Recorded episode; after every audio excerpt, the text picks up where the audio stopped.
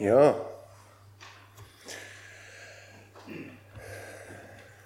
Godt å være her. Um, så tingen er at uh, i, i, høst og, og, for så vidt i vår så har jeg lest hebreerbrevet. Jeg, jeg begynte å lese hebreerbrevet litt sånn grundig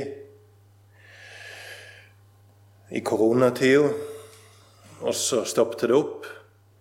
Da hadde jeg kommet til kapittel eh, sju eller noe sånt.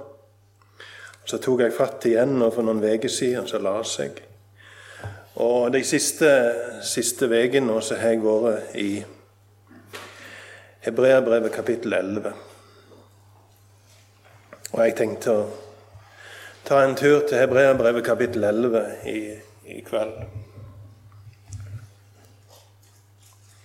Hebreabrevet kapittel 11 er et veldig spesielt kapittel.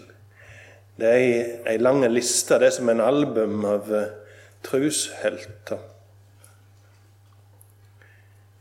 Um, og Der er de liksom oppstilt på linje, eller på rekke og rad, den ene etter den andre.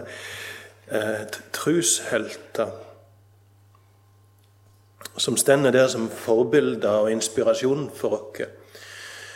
Eh, og inspirasjon og forbilder for de som første gang las dette brevet, og som var frista til å vende seg ifra kristendommen.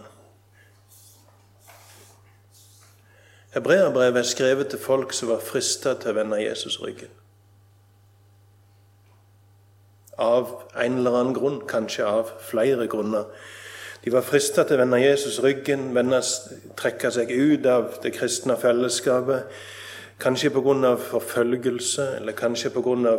motstand ifra, ifra det jødiske samfunnet. Mye tyder på at de som fikk dette brevet, var jøder av, av fødsel. Så hadde de blitt kristne, så var de frista, eller gjerne litt sånn i ferd med å, å vende tilbake til jødedommen. Og så er det at forfatteren av dette brevet Vi vet ikke hvem, han, hvem som skrev det, vi vet ikke hvem han skrev til. Um, og Så skriver han til disse menneskene, disse kristne, og så, og, så, og så, sier han Jesus. Han er jo han er større enn England, han er større enn profeten, han er større enn ypperstepresten, han er større enn Moses, han er, han er større enn tempelet, han er bedre enn offeret som ble båret fram på den store forsoningsdagen. Det vil forlate Jesus og vende tilbake til jødedommen. Det er absurd. Selv om det er veldig forståelig. Å se på alle disse heltene som vi finner i Det gamle testamentet. Det var, det var ikke Det var ikke, det var ikke loven og, og, og det, det, som kjennetegna dem, det var ikke på en måte forholdet deres til loven, men det var, det var trua som utmerka dem. Og så nevner han Abel, Enok, Noah, Abraham, Han nevner Moses. Han nevner Jakob. Han nevner David. Han nevner Isak. Og så I siste, siste del av dette kapittelet så kommer det noen navn som er litt sånn Jeg vet ikke helt om jeg hadde foreslått de sjøl hvis vi skulle ramset opp ei liste over trushelter fra Det gamle testamentet. En av de som er nevnt, heter Samson. Ville du nevnt han? Som en av trusheltene i Det gamle testamentet. Ville du nevnt han?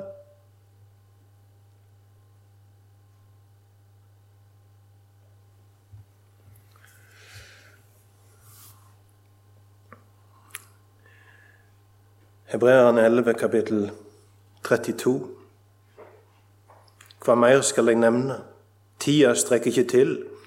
Om jeg skal fortelle om Gideon og Barak og Samson og Jefta, om David, Samuel og profetene. Der står han iallfall. Nevnt blant trusheltene, side om side, med Gideon. Og i samme kapittel som Abraham og David og Samuel. Um,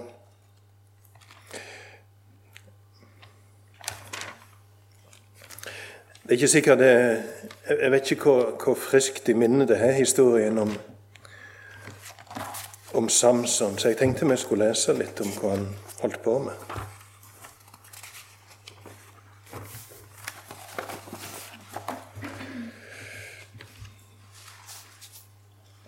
Samson han eh, levde i det som vi kaller for dommertida. Og Bakgrunnen er, er at israelsfolket har vært 400 år i Egypt. Så er de blitt berga ut av Egypt, ledet av Moses. De har gått gjennom Rødehavet, de har gått 40 år i ødemarka.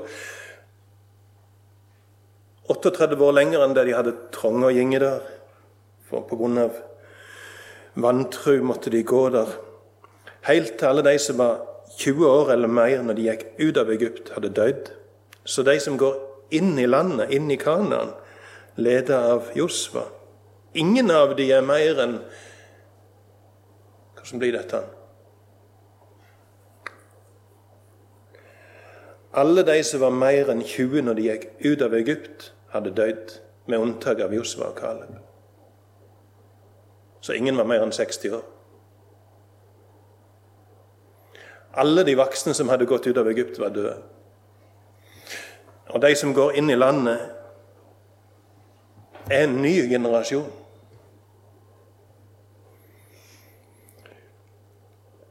De går inn i landet. Josua leder de inn i landet. Han leder de i krig. Han, han leder folket i, i, flere år etter at de har kommet inn i landet. Og så gir, han, så, så gir Gud en streng befaling. Ikke vend dere til avgudene i landet.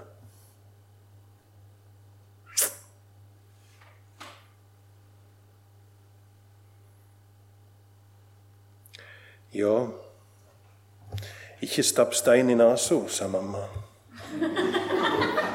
Så det, så det gjorde vi. Det er litt sånn, altså. Sorry. Sorry. Det var men, men sånn var det. Ikke venn dere til avgudene i landet. Så dør Josva. Vet du hva som skjer? Folket begynner å vende seg til avgudene i landet. Og så trekker Gud sin beskyttelse tilbake. Og så kommer det nabofolk og får makt over dem. Og så lir Israel nød, og så roper de til Gud. Og så reiser Gud opp en dommer. og Dommeren frir de fra dette fiendefolket, og folket har fred. Så dør dommeren, folket vender seg til avgudene. Gud trekker sin beskyttelse tilbake. Fiendefolk får makt over dem. Israel lider nød, og de roper til Gud. Og Gud reiser opp en dommer som fører dem i krig mot fiendene. Og folket får fred. Så dør dommeren, folket vender seg til avgudene. Vet du hvordan det går videre? Det er det samme om igjen og om igjen. Bare les det. Det er en evinnelig sirkel i dommerboka. Dommeren dør, folket vender seg til avgudene. Gud trekker sin beskyttelse tilbake. Og Det er den ene dommeren etter den andre, det er det ene fiendefolket etter det andre. Og på Samsons i tid var det filisteren. I tiår etter tiår var det filisterne. Vet du hva de holdt til henne?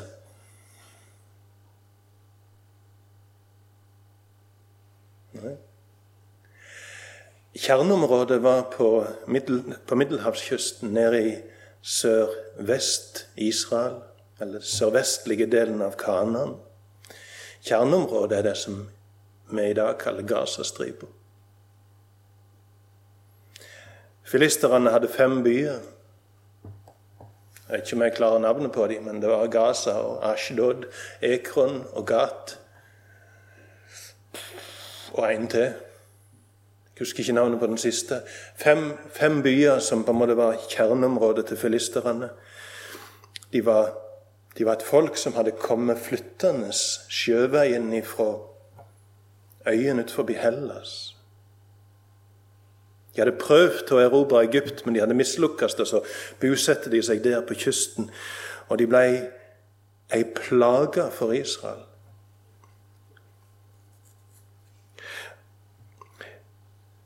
Samson slåss imot dem. Eh, Samuel slåss imot dem. Saul slåss imot dem. David slåss imot dem, og under David så vant Israel en, en, en avgjørende og endelig seier over filisterne. Under David. Og det er litt interessant, syns jeg, at kjerneområdet var Gaza. Og navnet palestiner betyr egentlig filister. Så den situasjonen du ser i Israel i dag, minner kolossalt om det som var for 3000 år siden.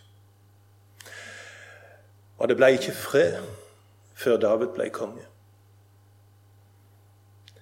Og Bibelen er, full av mønster som gjentar seg. Og det får meg til å tenke at den der striden nede i Israel det kommer ikke til å bli fred før David blir konge. Davids sønn. Før Davids sønn blir konge, da skal det bli fred i Israel. Men det får stå for min regning. Men der er altså situasjonen. Folket lir under filisterne. Og Gud reiser opp en dommer, og vi leser fra Dommerboka kapittel 13. På nytt, vers 1. På nytt gjorde israelittene det som var vondt i Herrens øyne. Da ga Herren dem hendene på filisterne i 40 år. Det var en mann fra Sora, fra Danslekta, som het Manoa. Kona hans var barnløs, hun kunne ikke få barn. Herrens engel synte seg for henne og sa, 'Jeg veit at du er barnløs og ikke kan få barn, men du skal bli med barn og føre en sønn.' Pass derfor på at du ikke drikker vin eller sterk drikk, og ikke et noe ureint, for sjå, du skal bli med barn og føde en sønn. Det må ikke komme rakekniv på hovedet hans, for gutten skal være en Guds nasireer, alt fra mors liv. Og med han skal berginga av Israel ifra filisterne ta til. Han skulle altså være en nasireer, en som på en, en spesiell måte var innvigd til, til Gud, til tjeneste for Gud. En nasireer kunne være innvigd for ei, ei bestemte tid eller for hele livet. Og Samson var innvigd i, i hele, for hele livet som nasireer. Vers 24. Kona fødte en sønn og kalte han Samson. Gutten vokste opp, og Herren velsigna han. Og Herrens ande tok til å drive han medan han var i Dan-leiren mellom Sora og Eshtaol. En gang gikk Samson ned til Timna. Der fikk han se ei kvinne, ei av døtrene til filisterne. Da han kom hjem igjen, fortalte han det til far sin og mor si. I Timna så jeg ei av døtrene til filisterne, sa han. Henne må du la meg få til kone. Foreldra sa til han, finnes det ikke døtre i slekta di, eller ei eneste kvinne i folket vårt, siden du vil gå av og få deg ei kone hos de umskårne filisterne? Men Samson sa til far sin, henne må du la meg få, hun er den rette for meg. Foreldra skjønner ikke at dette kom fra Herren, og at han søkte et høve til strid imot filisterne. De var det som herska i Israel den gangen. Gud ville ha et høve til krig, splid. Um, altså det hører det skurre her. Han, han er utpekt fra mors liv til å berge Israel fra filisteren, og så går han ned til Timna for å elske seg i ei filisterjente. Det skurrer sant. Det var sikkert med tungt hjerte at foreldrene gikk den turen ned til Timna. På veien gjenger Samson litt for seg sjøl, og så kommer det ei løve imot han, og han dreper løva med bare hendene. Så gjenger de ned til Timna, og de avtaler det praktiske i forbindelse med ekteskap går hjem, og så skal de ned en gang seinere. Og Samson går til sides der han hadde drept denne løva. Og så finner han at i denne løveskrotten er det bier som har lagd seg bol, og han finner honning, og han tar honning, og han gir til foreldrene sine. Og Så kommer de ned til Timna, og det blir bryllup. Og det er 30 unge mannfolk der som er på en måte brudesvenner. Nei, ikke, ikke brudesvenner. Jo, det er det det står, faktisk. Venner til brudgommen, altså. Og der er det bryllup i ei uke, og så skal de ha noe å finne på. Så Samson gir de ei gåte, et veddemål. Og Hvis de klarer å gjette gåta, så skal de gi han hver sin festkledning. Og hvis, hvis de Nei. Hvis de ikke klarer det, så skal de gi han hver sin festkledning. Hvis de klarer å gjette godo hans, så må han gi hver av de 30 ei festdrakt. Og godo det var av en eter kom etende, av den sterke kom søtt. Det handler om løva. Og de klarer ikke å løse godo, så de går til denne brura og tvinge henne til å gå til Samson og tigge om å få vite løsninga. Og hun går, og hun tigger, og hun maser, og han blir leie. Du er ikke glad i meg, sier du ikke vil fortelle meg løsninga på gåta. Og han forteller løsninga på gåta, og hun går til vennene. Og De går til Samson, og han skjønner hva det er som er skjedd. Han blir sur. og Så går han av sted, og så dreper han 30 filistere, tar klærne deres og gir til disse bruresveiner. Så drar han derifra. En stund seinere så savner han denne dama. Så han gjenger tilbake til heimen hennes og vil ha kona si, men svigerfaren har gitt henne til en annen, en av bruresveinene. Og Samson blir sur. Så han gjenger og fanger 300 rever, binder de i hop to og to etter halen, fester en fakkel i hver, hvert halepar og sender de ut i de modne kodnogrene til filisterne og brenner av hele avlingene. Da blir de sure.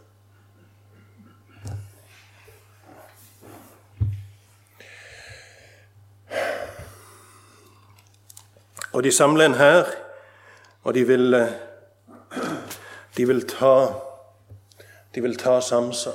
De samler en hel hær og gjenger til krig mot Israel. Og Israel vet hva de vil. Israel vet at det er Samson de vil ha. Så de går til Samson og spør kan ikke vi få overlevere deg til filisteren. De er villige til å ofre Samson for å slippe krig. Og Samson gjenger med på det.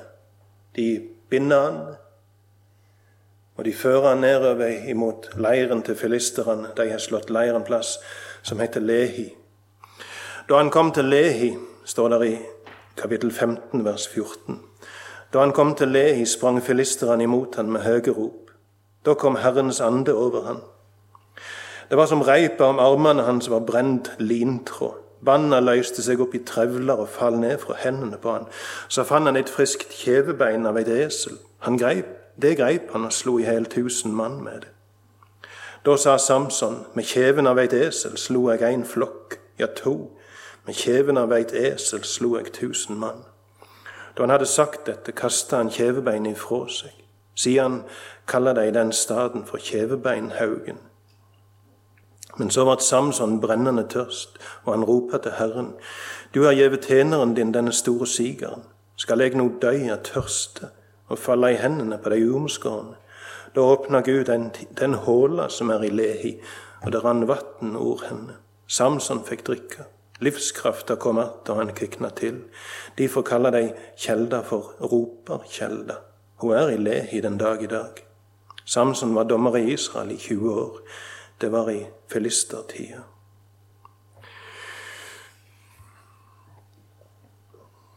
Og så kapittel 16. Kapittel 16 begynner med at Samson gjeng, gjenger ned. Han kommer til Gaza, han gjenger inn til ei som er prostituert. Og de vil prøve å ta han der. Han kommer seg ut av den knipa òg. Og så, i vers 4 der i kapittel 16, siden ble Samson glad i ei kvinne i Sorekdalen. Hun heter Dalila. Hun òg var filister. Da kom hovdingene over filisterbyene opp til henne og sa, Sjå, om du kan få lokka han til å si hvor han har den store styrken sin fra, og hvordan vi kan rå med han og binde han. Så vi får eh, bukt med han. Så skal hver av oss gi deg 1100 sjekel sølv. Da sa Dalila til Samson, kjære, fortell meg hvor du har den store styrken din fra, og hvordan du kan bindes, så en får bukt med deg. Samson svarer, Dersom de binder meg med sju rå senestrenger som ikke har tørka, så veikner jeg og blir som et annet menneske. Da kom hovdingene over filisterbyene opp til henne med sju rå senestrenger som ikke hadde tørka.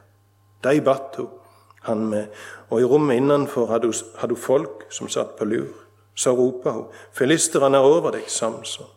Da sleit han av strengene, de brast som en strytråd når han kjem nær elden og ingen fikk vite hvor han hadde styrken sin fra. Og så fortsetter hun å mase, og han fortsetter å gi eh, falske svar.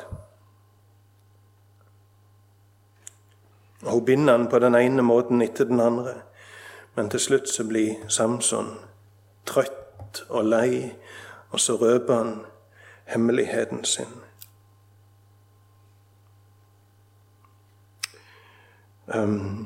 Vers 16. Som hun plaga han med maset sitt dag ut og dag inn, og aldri let han få fred, ble han så lei seg at han mest ville dø. Så sa han henne hele sanninga. Det har aldri kommet rakekniv på hodet mitt, for jeg har vært en Guds nazireer helt ifra mors liv. Blir jeg raka, fer styrken min fra meg, jeg veikner og blir som alle andre mennesker.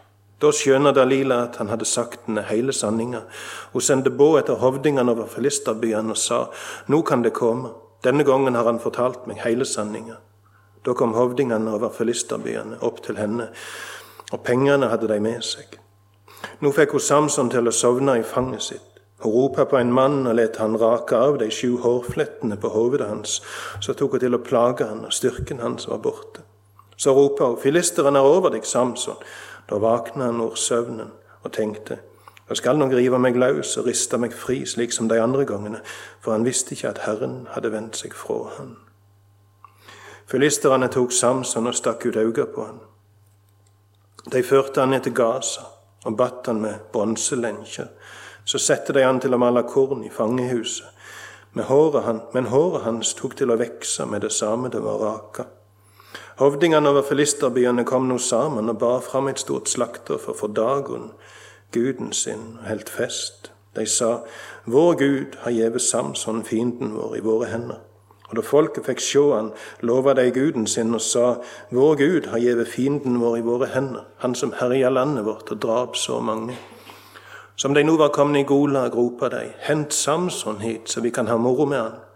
Så henta de Samson over fangehuset, og de hadde moro med han. De stilte han opp mellom søylene. Da sa Samson til gutten som leide han, plasser meg slik at jeg kan holde i de søylene som huset hviler på, og stø meg til deg. Huset var fullt av menn og kvinner, og alle hovdingene over filisterbyene var der, og på taket var det om lag 3000 menn og kvinner som så på at de hadde moro med Samson. Da roper Samson til Herren og sa, Min Herre og Gud, husk på meg og styrk meg denne ene gangen, Gud, så jeg får hemne meg på filisterne for, den, for det ene av øynene mine. Samson tok tak om de to midtsøylene som huset hvilte på, ei med høyre og ei med venstre armen, og han la seg mot dem. Samson sa, Lat meg få dø sammen med filistrene. Så tok han med all sin makt. Da ramla huset i hop over byhovdingene og over alt folket som var der, og de han drap da han døde, var flere enn de han hadde drept medan han levde. Brødrene hans og hele familien til far hans kom ned og henta han. De førte han hjem og la han i grava til Manoa, far hans, mellom Sora og Eshdaol. Da hadde han vært dommer i Israel i 20 år.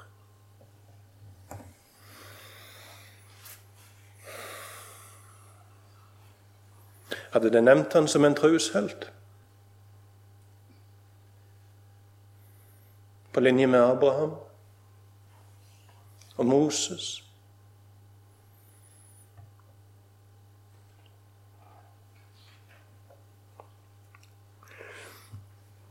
Han var en mann som falt. Et fall som, som skjedde i flere etapper. Det begynner med for så vidt svakhet for vakre damer.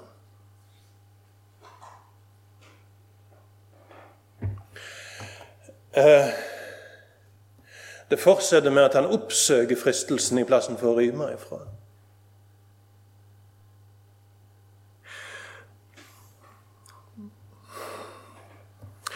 Han eh, røpte hemmeligheten. Håret ble rakt av han. Han stolte på sin egen kraft. Han ble fanga, han ble blinda, han ble sett til å male kodden der i fengselet. Et fall det skjer sånn i Det skjer mange ganger i flere etapper. Det er ikke nok å ha en svakhet. Du må jo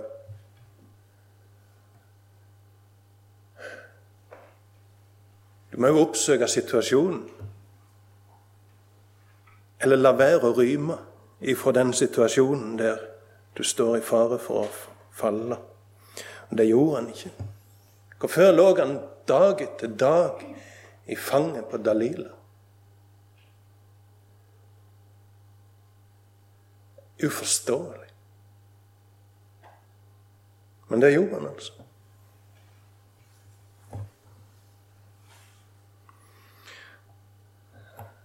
Og så ender han opp i filisterne sitt fangehull i Gaza og meler på kvedden.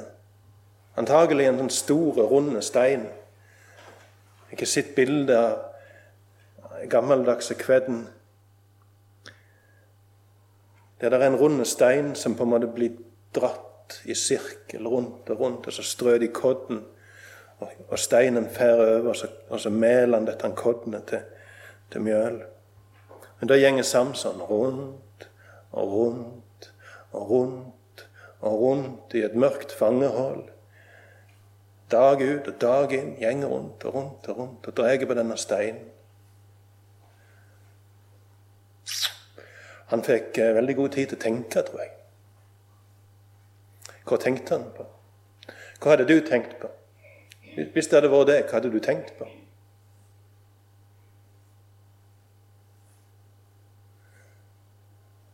Jeg feiler.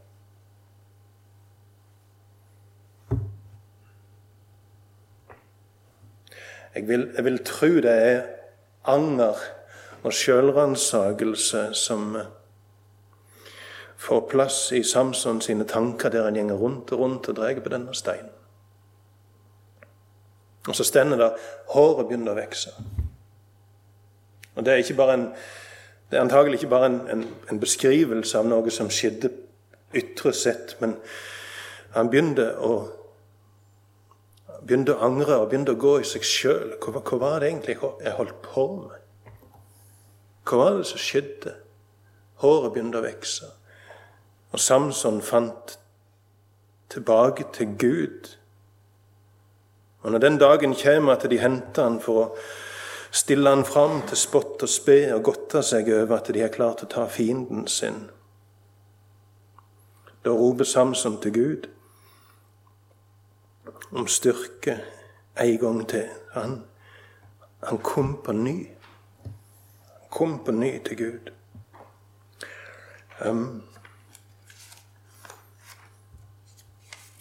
Forresten litt interessant. Hvis du leser i Bibelen om en som er blind, så er det nesten alltid en sammenheng mellom øynene og, og hjertet. Enten en sammenheng eller en kontrast.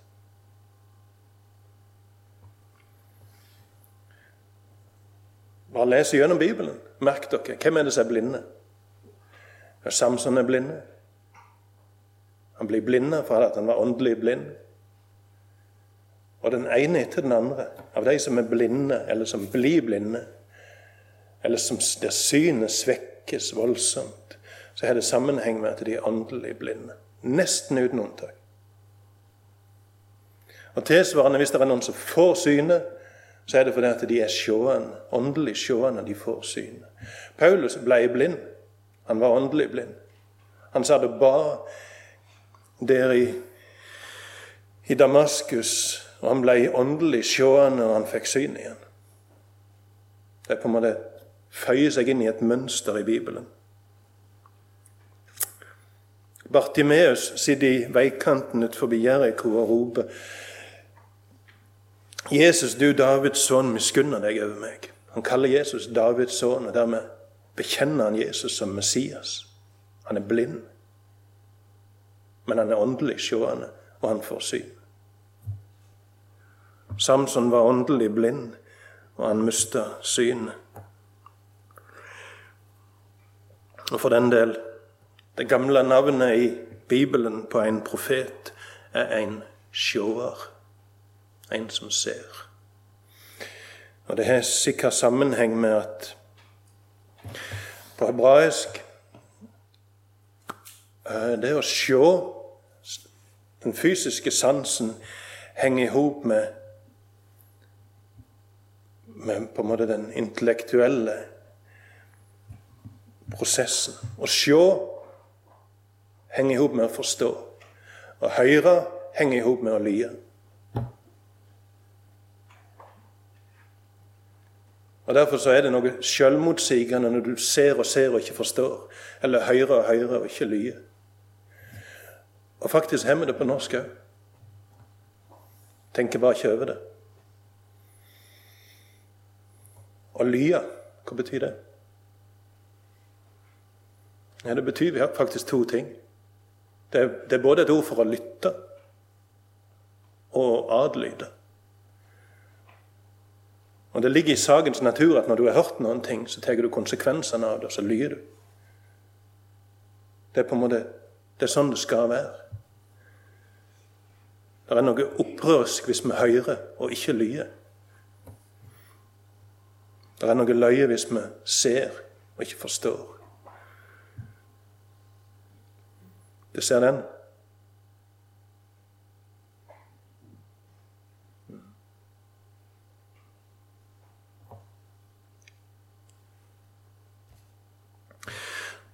Håret voks, og Samson gikk i seg sjøl, fikk god tid til å tenke. En dag blir han henta til et stort tempel. Dagon sitt tempel i Gaza. Og Det var så svært at det var plass til 3000 mennesker på taket.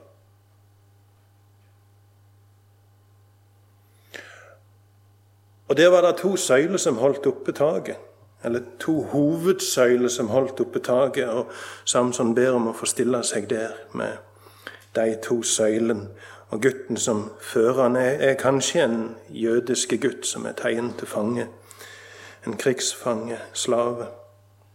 I alle fall, Samson blir ført fram til disse søylene, og så tar han tak i dem, og så river han dem ned. Og hele huset raste. Um, og Hvis det er noen av dere som er bygningsfolk, så kan du forestille dere den, den tyngda som trykker ned på to søyler.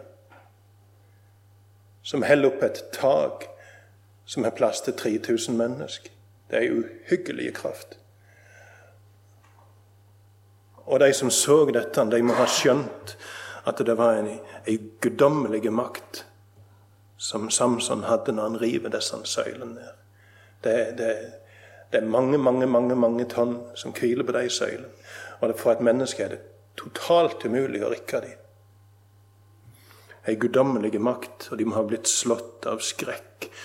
Så slått av skrekk at de let familien hans marsjere inn i fiendens i høyborg og hente liket av Samson. Ingen stopper de. Ingen stopper de. og de fører han hjem og begraver han. Sånn ender historien om Samson, bortsett fra dette han ene. Han er nevnt som en trushelt i Hebreabrevet kapittel 11. Den mannen. Hm.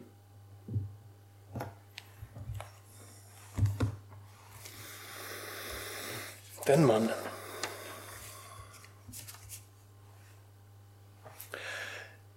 Jeg, jeg har brukt historien om Samson på barnelag og leir noen ganger. Og den første gangen det var her. Jeg satt i trappa, og jeg hadde tatt med meg en tjukk rød strikkegenser.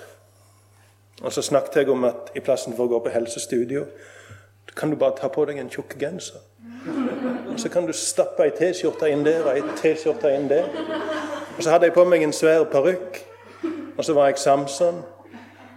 Og så forteller jeg om Samson, og så spurte jeg var han spesielle. Hadde Gud en plan med han? Mm. Hadde Gud gitt han gaver? Mm. Misbrukte han gaven? Mm. Fikk han lov til å omvende seg og komme på ny? Ja. Er du spesiell? Og så var det ei her og satt på første benk. Og var der når jeg plutselig så at det gikk et lys opp for henne. Hun skulle til å si nei, jeg er ikke spesiell. Og så gikk det plutselig opp for henne jeg er jo spesiell. Jeg er spesiell. Lille meg er spesiell. Har Gud en plan med deg?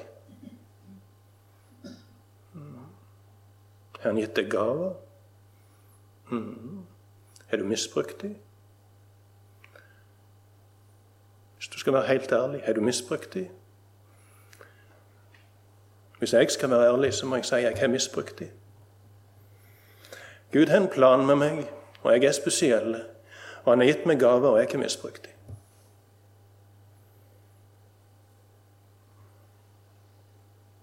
Kan vi komme til Gud og få begynne på nytt? Mm. Kan det.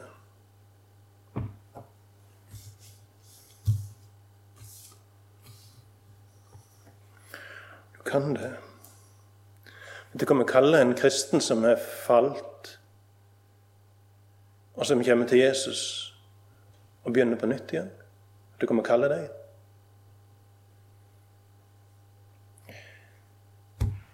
Trushelt.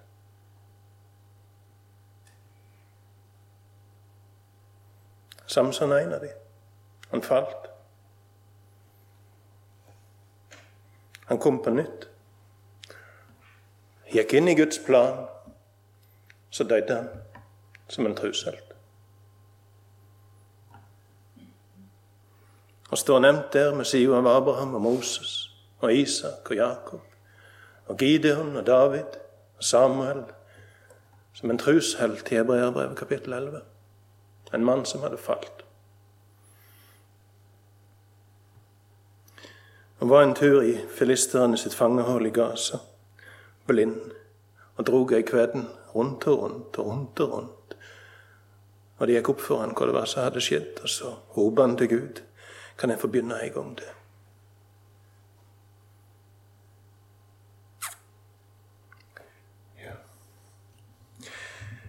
Um, en trushelt. Og når det står der til når du er ferdig med lista over trusheltene i Hebreerbrevet kapittel 11, og så kommer du til kapittel 12 Derfor, når vi har så stor ei sky av vitner kring oss, så la oss legge av alt som tynger, og synda som henger så fast ved oss, og holde ut i det løpet som ligger framfor oss, med blikket fest på Jesus, trua sin opphavsmann og fullender. Ei sky av vitner. Og det som er, det er at hvis vi som er feila og falt på hver vår måte, går til Jesus, så får nåde og går inn igjen i den planen han hadde med livet vårt, så, så, på en måte går vi inn i lista og rekka over vitner. Vitner um, Vitner betyr ikke her noen som ser på deg, men det betyr noen som med sitt liv vitner om at livet i lag med Jesus er liv laga. Det var mange ord.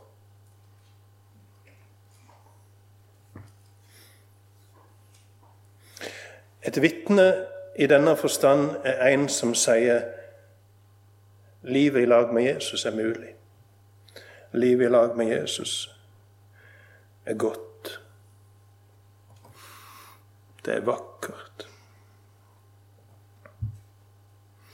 Noen som med sitt liv kan være til inspirasjon for andre. Og tingen er at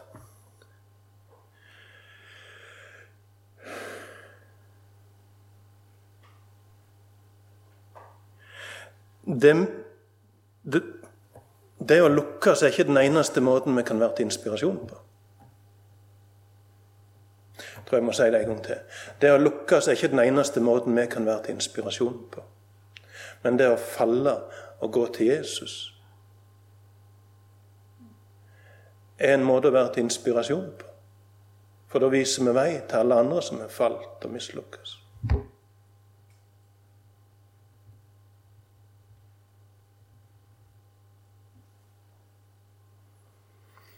Og Derfor er Samson nevnt som en trushelt.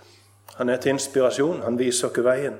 Når du er falt og mislukkes og misbrukt gaven, så kan du gå til Gud og så kan du si Kan jeg få begynne en gang til?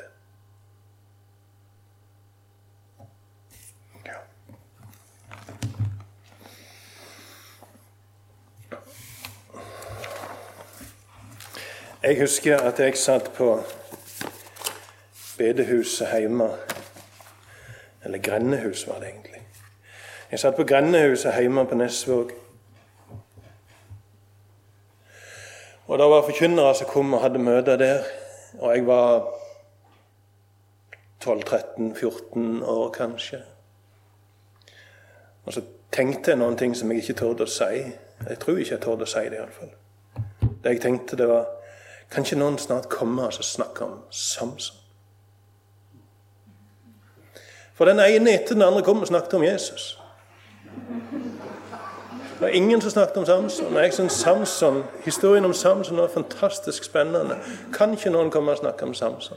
Og nå har jeg kommet til dere og snakket om Samson.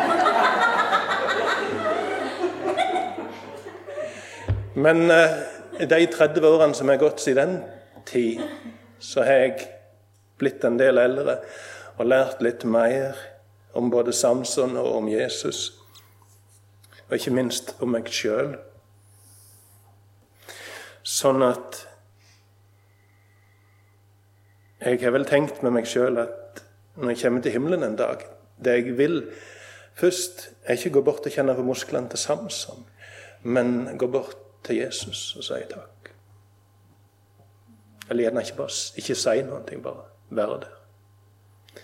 For uh, Samson, Historien om Samson er historien om meg og deg. Veldig spesielle folk som Gud har en plan med, og som han har gitt gaver, og som har misbrukt gaven, og som er invitert til å komme på ny. Sant? Historien om meg og deg. Synd og, og, og feil og, og nederlag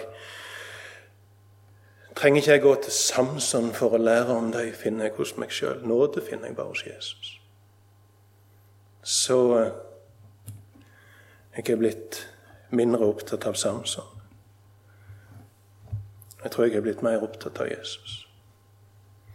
Ettersom årene er gått og jeg har lært mer om meg sjøl.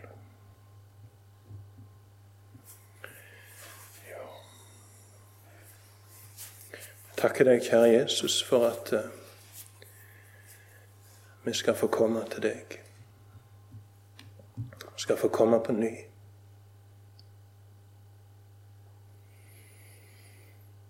Takker deg for at du tar imot sånne som oss. Og ber om at vi med våre nederlag og våre seire kan få være med og peke på deg.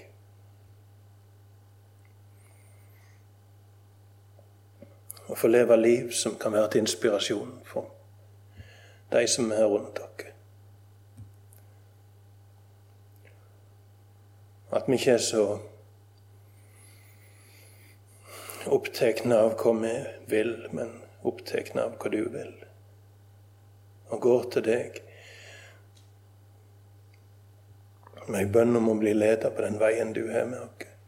Og få bruke evnene og gaven og kreften og tid og ressursene våre der som du vil.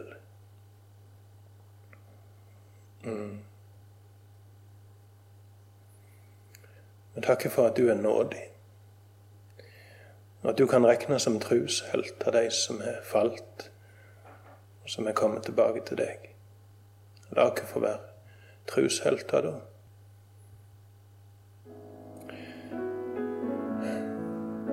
Jeg ber om det, Jesus, i ditt navn.